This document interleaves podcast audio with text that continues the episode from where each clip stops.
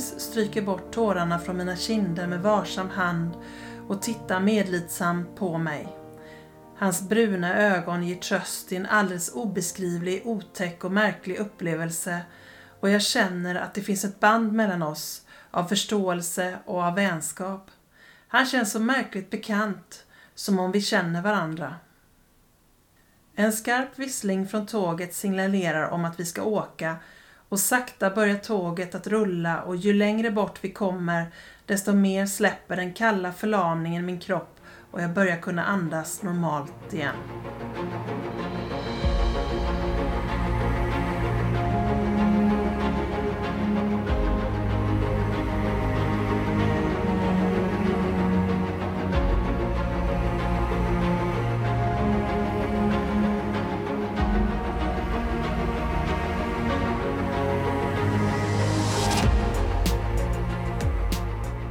Varmt välkomna till vår podd Magiska möten.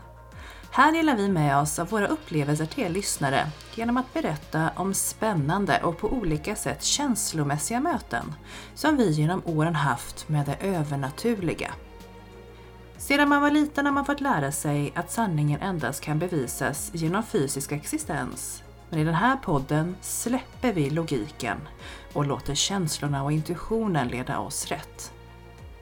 Vi heter Caroline och Mikaela och ska ta med er på vår resa in i det okända. Nu börjar Magiska möten.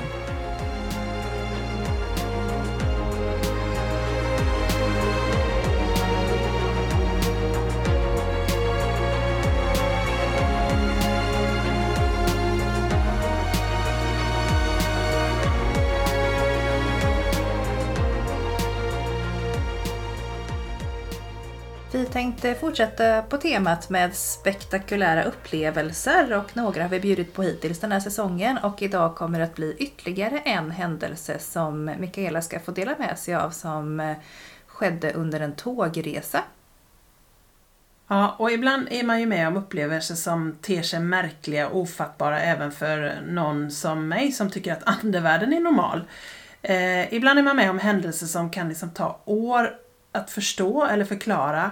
Och ibland har man faktiskt inga förklaringar utan kan bara gissa. Och det ska både ni som lyssnar och vi tillsammans göra i dagens avsnitt. Som heter Mannen på tåget.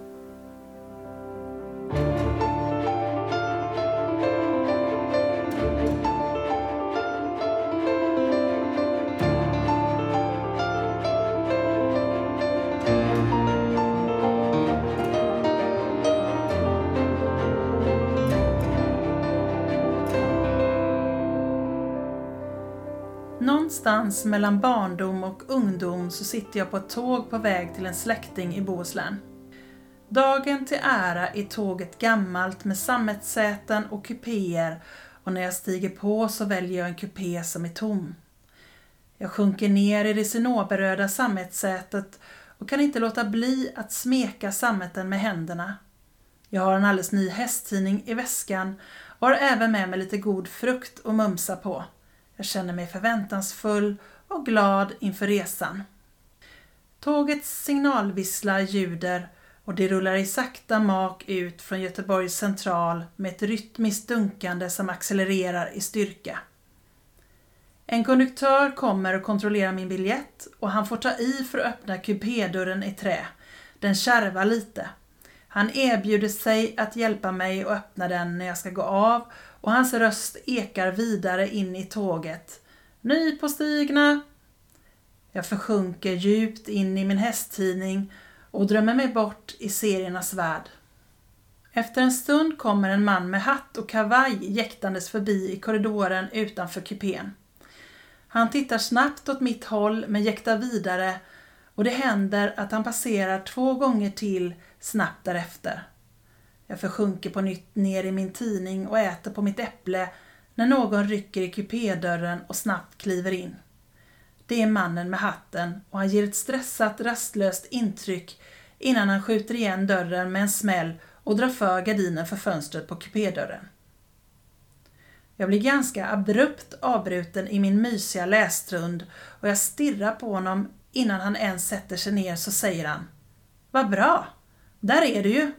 Jag kände inte igen dig som liten. Jag stirrar vidare och tänker Undra om det här är en sån där tokig människa.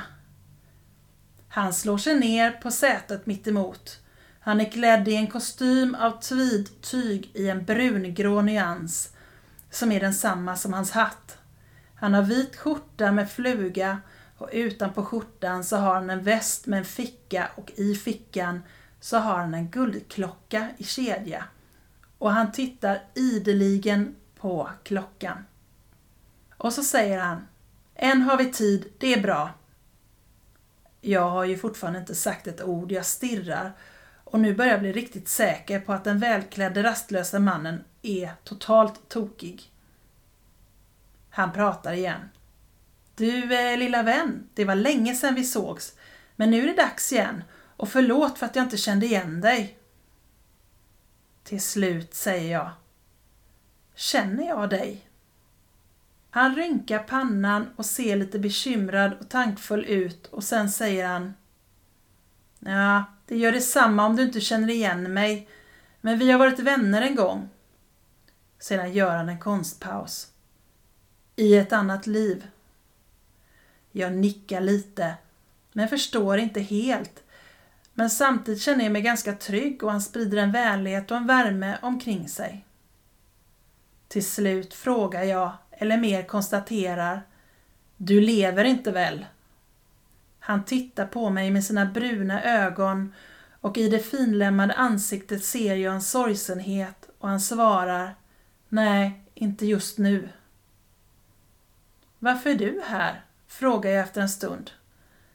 Han dröjer lite med svaret, så där som vuxna gör när de inte vill säga allt men ändå på något vis förklara. Jag heter James. Vi ska ha sällskap en stund och jag var närmast. Tycker du om hästar? Ja, svarar jag.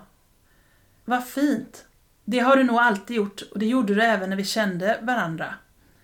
Vi småpratar en stund och plötsligt tittar han på klockan igen. Det är snart dags, säger han och sätter sig på samma sida som mig. Tåget bromsar in mot en station och plötsligt blir det iskallt i kupén.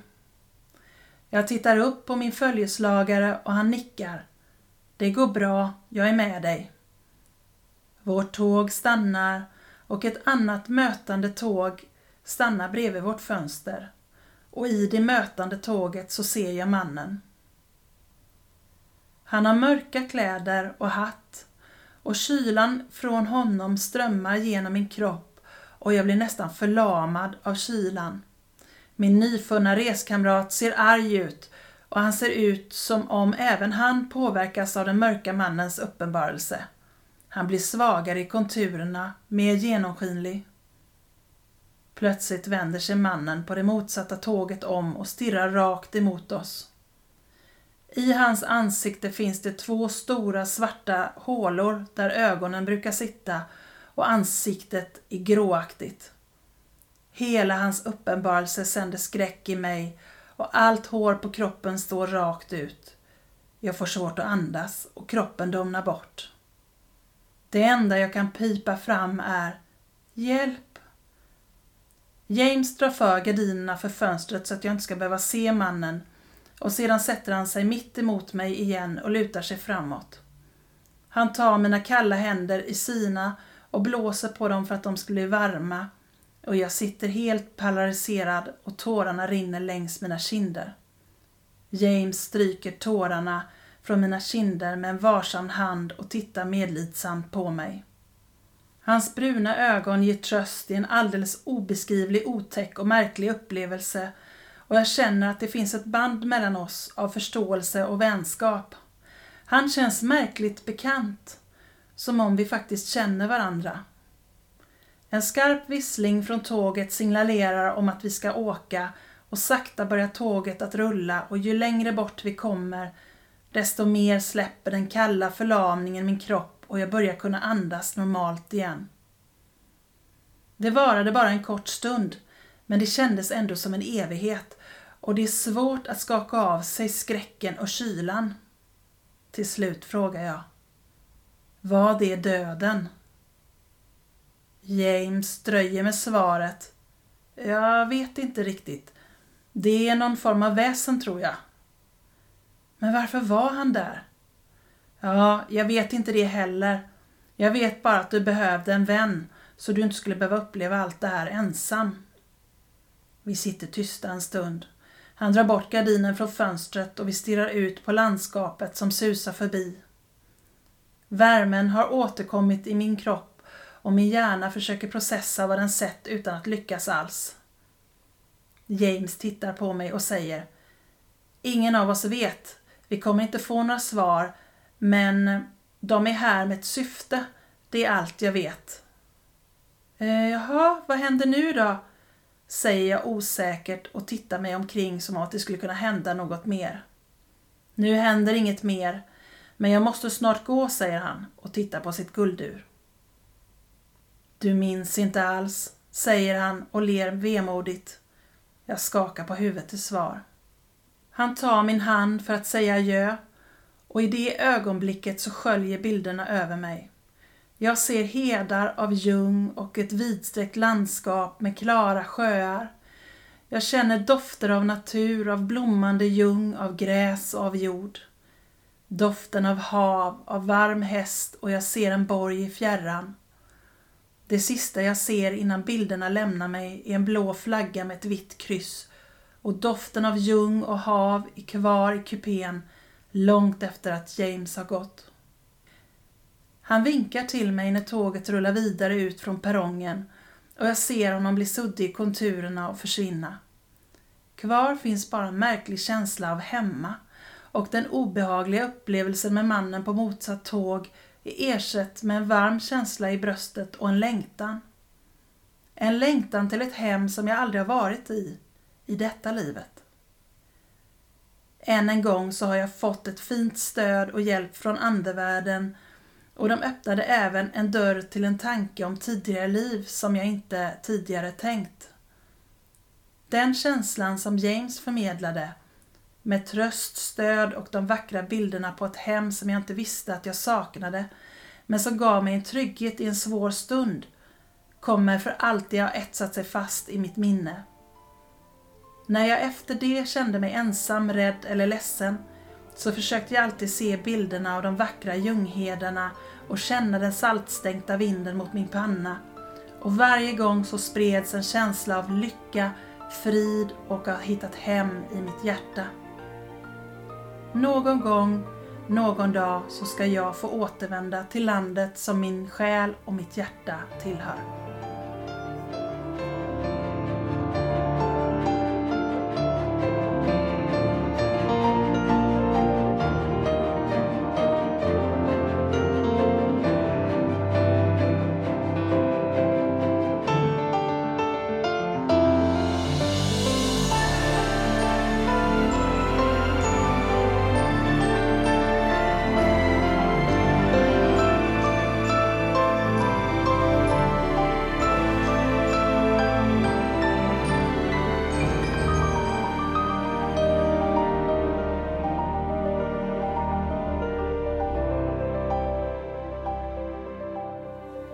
Alltså den här historien får ju mig att få rysningar längs med hela ryggraden och ståpäls på stora delar utav kroppen.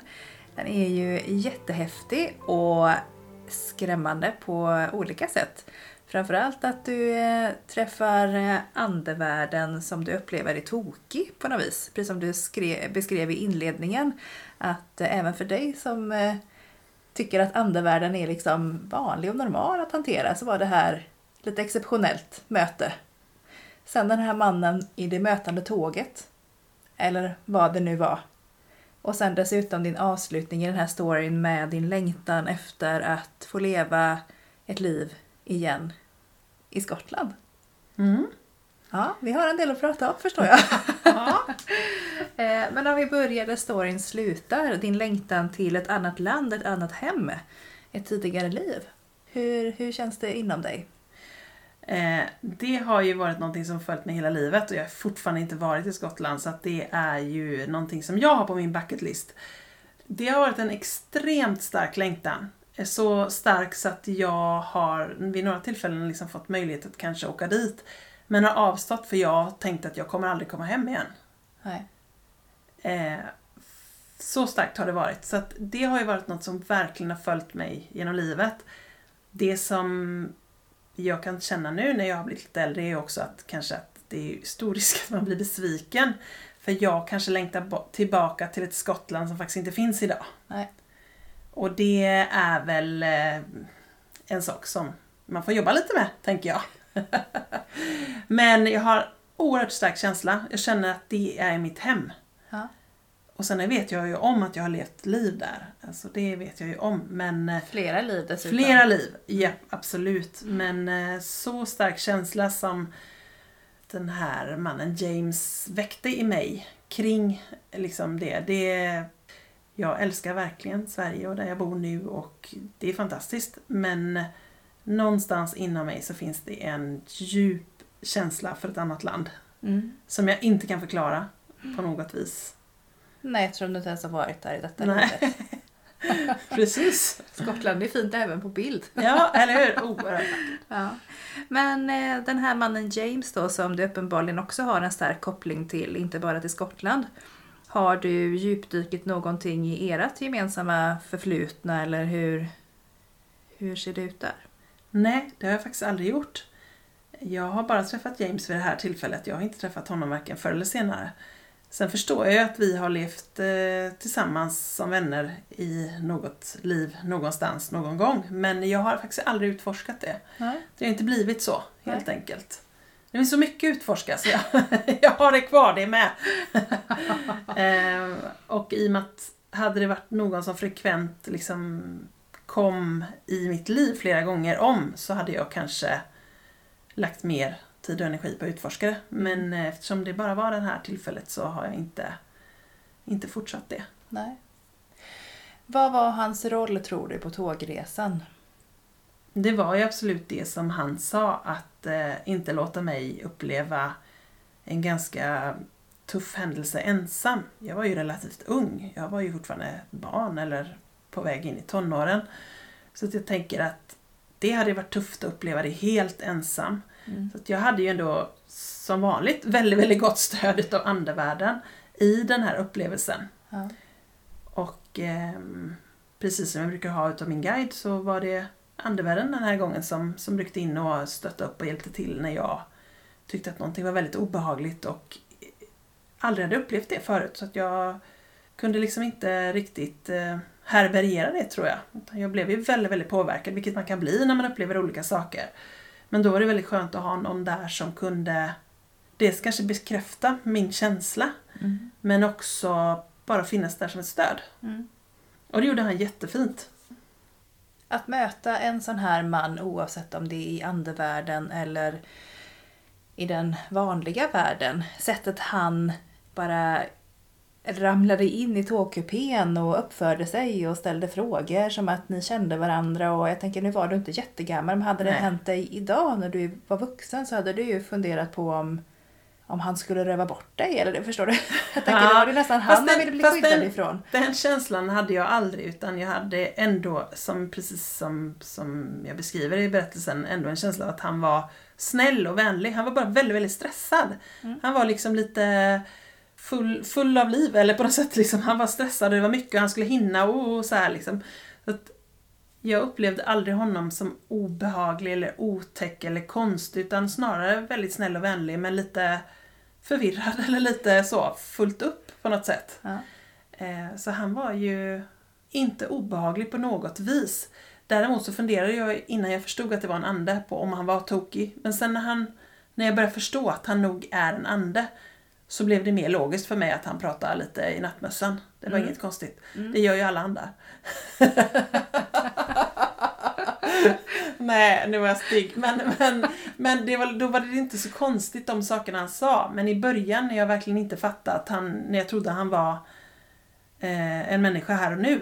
Så tyckte jag att det var väldigt märkligt vad han pratade om. tänkte jag, han är lite tokig. Jag bara, le och vinka. Jag kör den. jag bara är tyst och nickar lite. Mm, ja, visst. Whatever you say.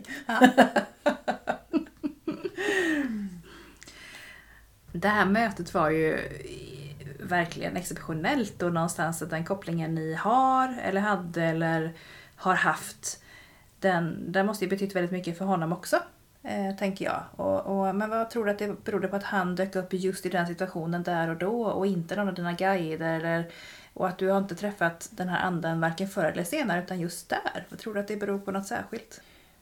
Nej, jag tror att det var precis som, som han sa, att han var närmast, så han var liksom lättast. Jag tror att ibland så eh, alla, allt som man upplever liksom är inte helt förutbestämt när och hur och vad det ska hända. Utan ibland så händer ju bara saker och då måste man rycka in. Som, som guide får man ju rycka in om det händer någon olycka eller någonting sånt. Men i det här läget så var nog bara han närmast och jag tror att min guide säkert fanns med men han behövde hålla sig på ett visst avstånd tror jag. Av lite olika orsaker. Så därför tror jag att det var lättast för den här anden att dela min upplevelse.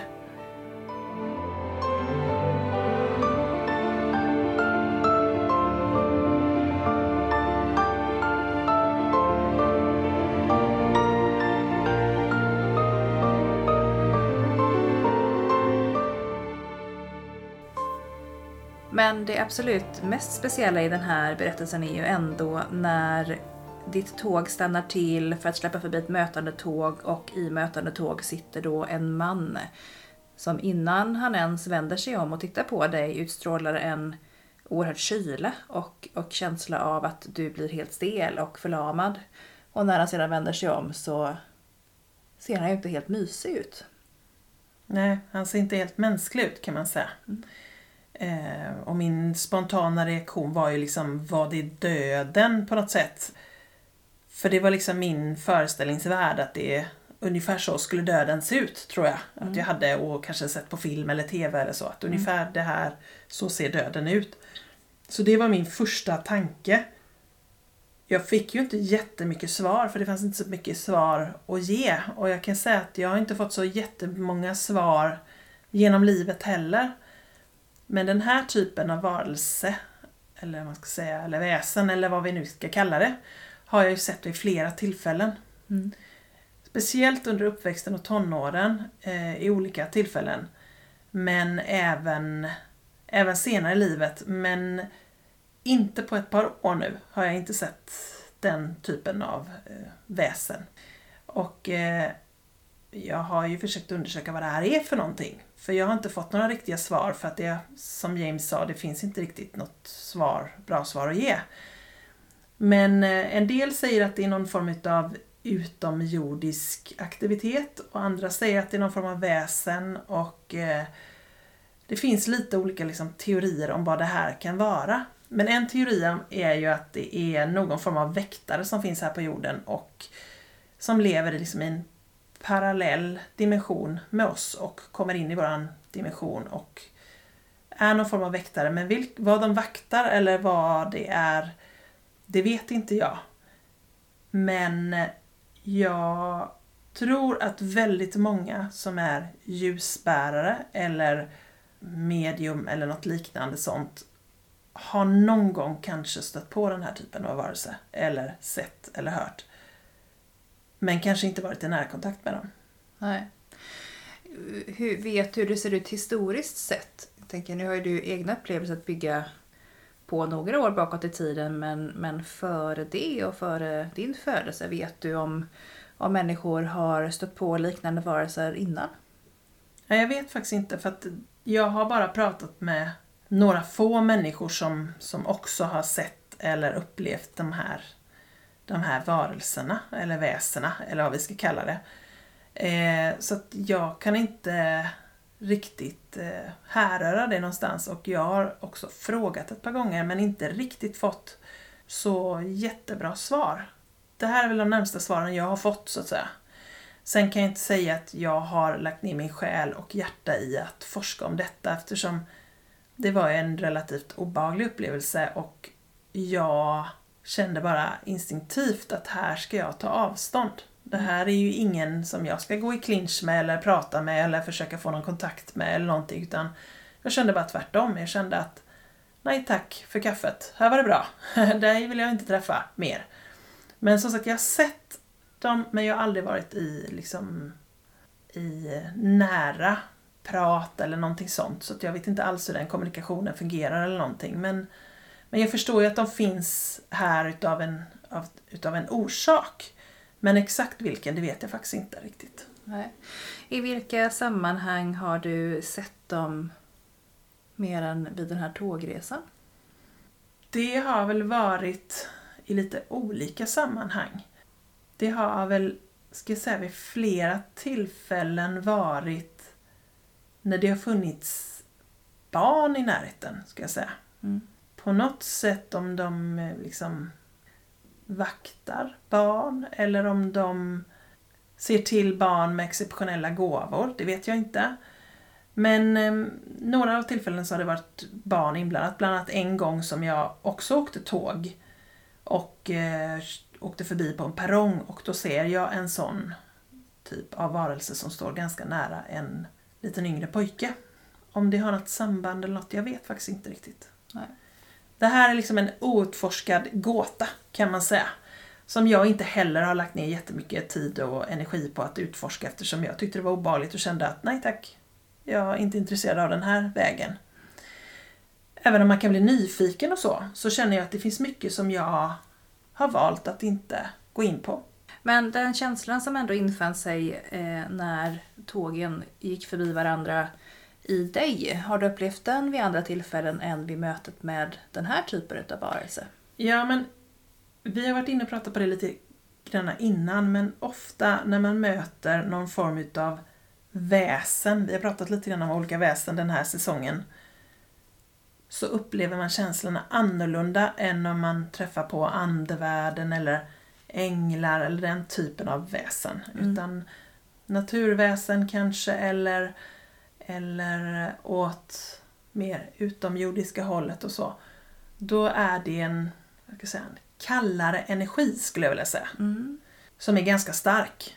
Och som kan upplevas obehaglig. Behöver inte vara det, men det kan ändå upplevas för att det är så långt ifrån vår egen energi. Men jag tror att man alltid blir rädd för det okända, det som man inte vet någonting om eller det som man inte, som man inte förstår eller, eller har någon kunskap om. Och det här är ju en sån sak Mm. som jag inte har jättemycket kunskap om, men jag förstår ju att det finns ju en mening med det mesta. Alltså så, så att jag förstår ju att de har ju ett syfte och en, en anledning till att finnas och sen vad, vad den är, det vet jag faktiskt inte riktigt. Men jag tror att man blir alltid rädd när man inte förstår någonting. Mm. Och inte känner igen någonting. Det känns inte hemmavant och tryggt. Och då var det jättefint att jag fick den här härliga känslan av hemma utav James när jag träffade den här personen. Ja, Jag tänker det, för att utifrån att det var en speciell upplevelse och en väldigt skrämmande upplevelse så blev det ju ändå ett möte mellan dig och James som sedan också resulterade i att du fick eh, väldigt mycket fina minnen ifrån den här tågresan också. Absolut, och det är ju det jag tar med mig och minns. Eh, och som jag också kunde liksom återanvända i andra situationer när jag tyckte någonting kändes läskigt eller jobbigt. Så kunde jag liksom bara blunda och se de här vackra vyerna framför mig och känna doften av hav och ljung. Och jag kunde liksom använda mig utav de tidigare livsminnena väldigt starkt i min resa när någonting kändes jobbigt. Liksom. Så det blev som, vi har pratat lite grann om din inre plats eh, och det blev lite som min inre plats. Mm. Att eh, titta tillbaka på tidigare liv och innan, jag var ju inte jättegammal i den här eh, berättelsen men innan dess hade inte jag tänkt jättemycket över det här med tidigare liv. Men där någonstans så startade det i, i gränsen mellan barndom och tonår på något sätt. Och då väcktes det intresset ganska rejält för jag kände så tydligt att här har jag varit. Jag har minnen av en plats som jag aldrig har besökt. Och nu för tiden så finns det liksom internet och TV och alltså det finns så mycket. Det är bara några klick bort så kan man ta reda på jättemycket om en plats man aldrig varit på. Precis. Men när jag var liten så fanns det ju inte någonting utav det. Så därför så, man fick ju gå till biblioteket och slå en dammig, gärna svartvit uppslagsbok Mm. för att få reda på någonting. Så att därför så kunde man liksom inte riktigt leva sig in i på samma sätt som man kan idag. Så det var oerhört värdefullt att få de minnesbilderna som han väckte upp i mig. Mm, precis. Vad hoppas du att kunna uppleva den dagen du väl sätter din fot i Skottland då? Ja, vad hoppas jag inte på känner jag.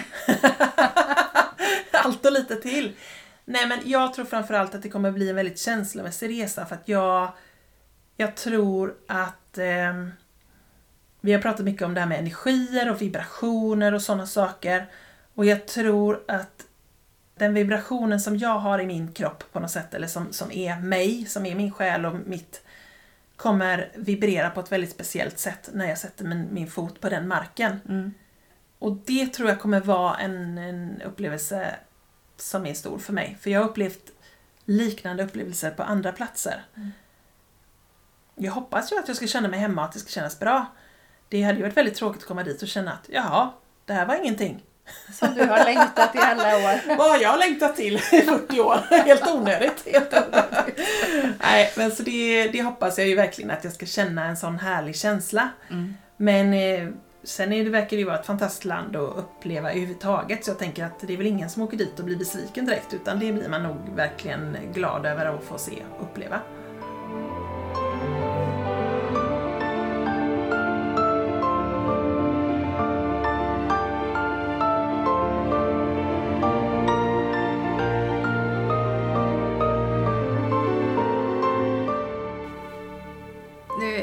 Att vi har spelat in det här avsnittet så har vi ju ett par avsnitt i den här säsongen och även från förra som handlar om spårvagnar och tåg och ganska så eh, läskiga och jobbiga upplevelser i samband med tågåkning. Vi har ju åkt tåg några gånger ihop och haft väldigt, väldigt trevligt ihop. Men hur, hur känner du inför tågresor? Är du så här lite orolig och tänker att nu ska jag få se den här mannen med de svarta hålen till ögonen? Nej. Eller vad, vad känner du? Nej, nej, nej, nej. Jag älskar ju att åka tåg. Det vet ju inte alla om mig, men det är det bästa jag vet. Jag tycker att det är så mysigt och så härligt. Och jag, jag, jag känner mig alltid fridfull på tåg i alla lägen och på något sätt kände jag ju mig det här också på slutet när tågresan när- närmade sig sitt slut. Att då, då hade jag ju fått en ganska fin upplevelse. Så att jag älskar ju verkligen tåg och åker gärna tåg om jag får chansen. Och eh, någon av mina bästa tågresor eh, har jag gjort med dig. Ju. Ja, precis. Vi var ju en gång i Stockholm och skulle åka tåg hem och hamnade på någonting som heter Blå tåget. Ja. Där det stod en liten orkester och spelade när vi skulle gå på och det var också sånt där äldre tåg. Som med gamla goa säten. Fast det var blåa säten kommer jag ihåg. Ja. Vid sammet och vi satt i såna här pösfåtöljer riktigt gött. Och sen var det en underbar eh, liten restaurangvagn där. Där vi hängde i baren Jajamän. och spelade spel. Hela tågresan. Hela tågresan. Lite quiz och lite grejer. Fick med de andra resenärerna och på, på frågesport och grejer. Så att jag, jag, nej, jag har inga men från tåg utan bara positiva minnen. Och även det här är ju ett positivt minne. Jag tänker att man får nog inte fokusera på de negativa delarna i det här utan snarare på det som var positivt. Mm, absolut. Hur många har chansen att träffa häftiga andar och dessutom få minnen från tidigare liv i en och samma tågresa? Jag menar, det, det får man ju bara älska, eller hur? Eller hur? Det händer inte alla alltid, tänker jag. Nej, Nej. men jag är så lyckligt lottad så mig hände det en gång. Häftigt. Och en gång ingen gång, det vet vi. Och två gånger är en vana. Så att, Ja, precis. Vi ser fram emot nästa tågresa tillsammans, helt enkelt. ja, verkligen, det ska bli så kul. Jag längtar efter att åka tåg. Det var länge sedan nu. I pandemin har man inte gjort det alls. Nu vill jag bara åka tåg känner jag. Gud vad spännande, vad vi ska vi uppleva då? Ja, det, det vågar vi, Vi- nästan inte ens hoppas på. Nej, vi skulle podda på tåg egentligen. Ja. Och se vad vi får med oss. Se vad vi får med oss på resan, det hade varit underbart. Det är det vi ska göra. Det får bli nästa säsong.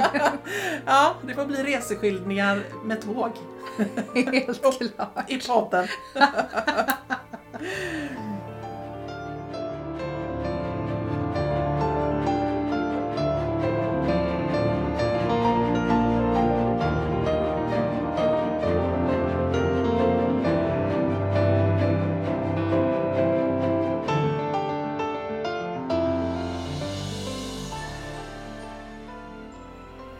I varje avsnitt vi eh, släpper så inser vi ju att vi landar i att vi måste göra mer och berätta mer och utforska och göra resor tillsammans. Så att eh, det kommer väl att landa i det så småningom. Förhoppningsvis så blir det en säsong tre på resande fot kanske.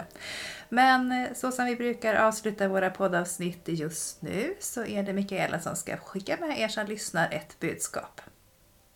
Vänner kommer i alla former. Ibland är de nära, ibland korsas vägarna mindre ofta. Men det som är säkert är att riktiga vänner finns där när som helst du behöver dem och de gör din dag lite mer färggrann. De gör så att sorgen blir lättare att bära och bekymren inte tonar upp sig som höga berg. De fyller ditt liv med skratt, med värme, förståelse och ger dig en känsla av att din själ har hittat hem. Ibland kommer även vänner genom regnbågsbron för att underlätta vår färd genom livet och för att ge oss hopp i vårt hjärta. Tack snälla för de fina orden. De tar vi med oss såklart till nästa vecka när nästa avsnitt kommer att släppas. Och är ni sugna på att dela med er av era egna erfarenheter så tar vi ju tacksamt emot kommentarer kring avsnittet på vår Instagram-sida. Sök upp podden Magiska möten. Det kanske är fler med Mikaela där ute som har mött de här väktarna. Så att eh, gå gärna in och skriv. Tack för att ni har lyssnat!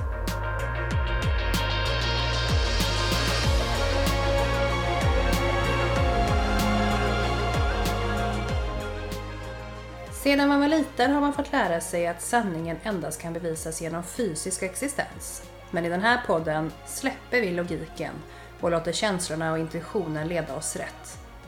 Tack för att ni har lyssnat på Magiska möten.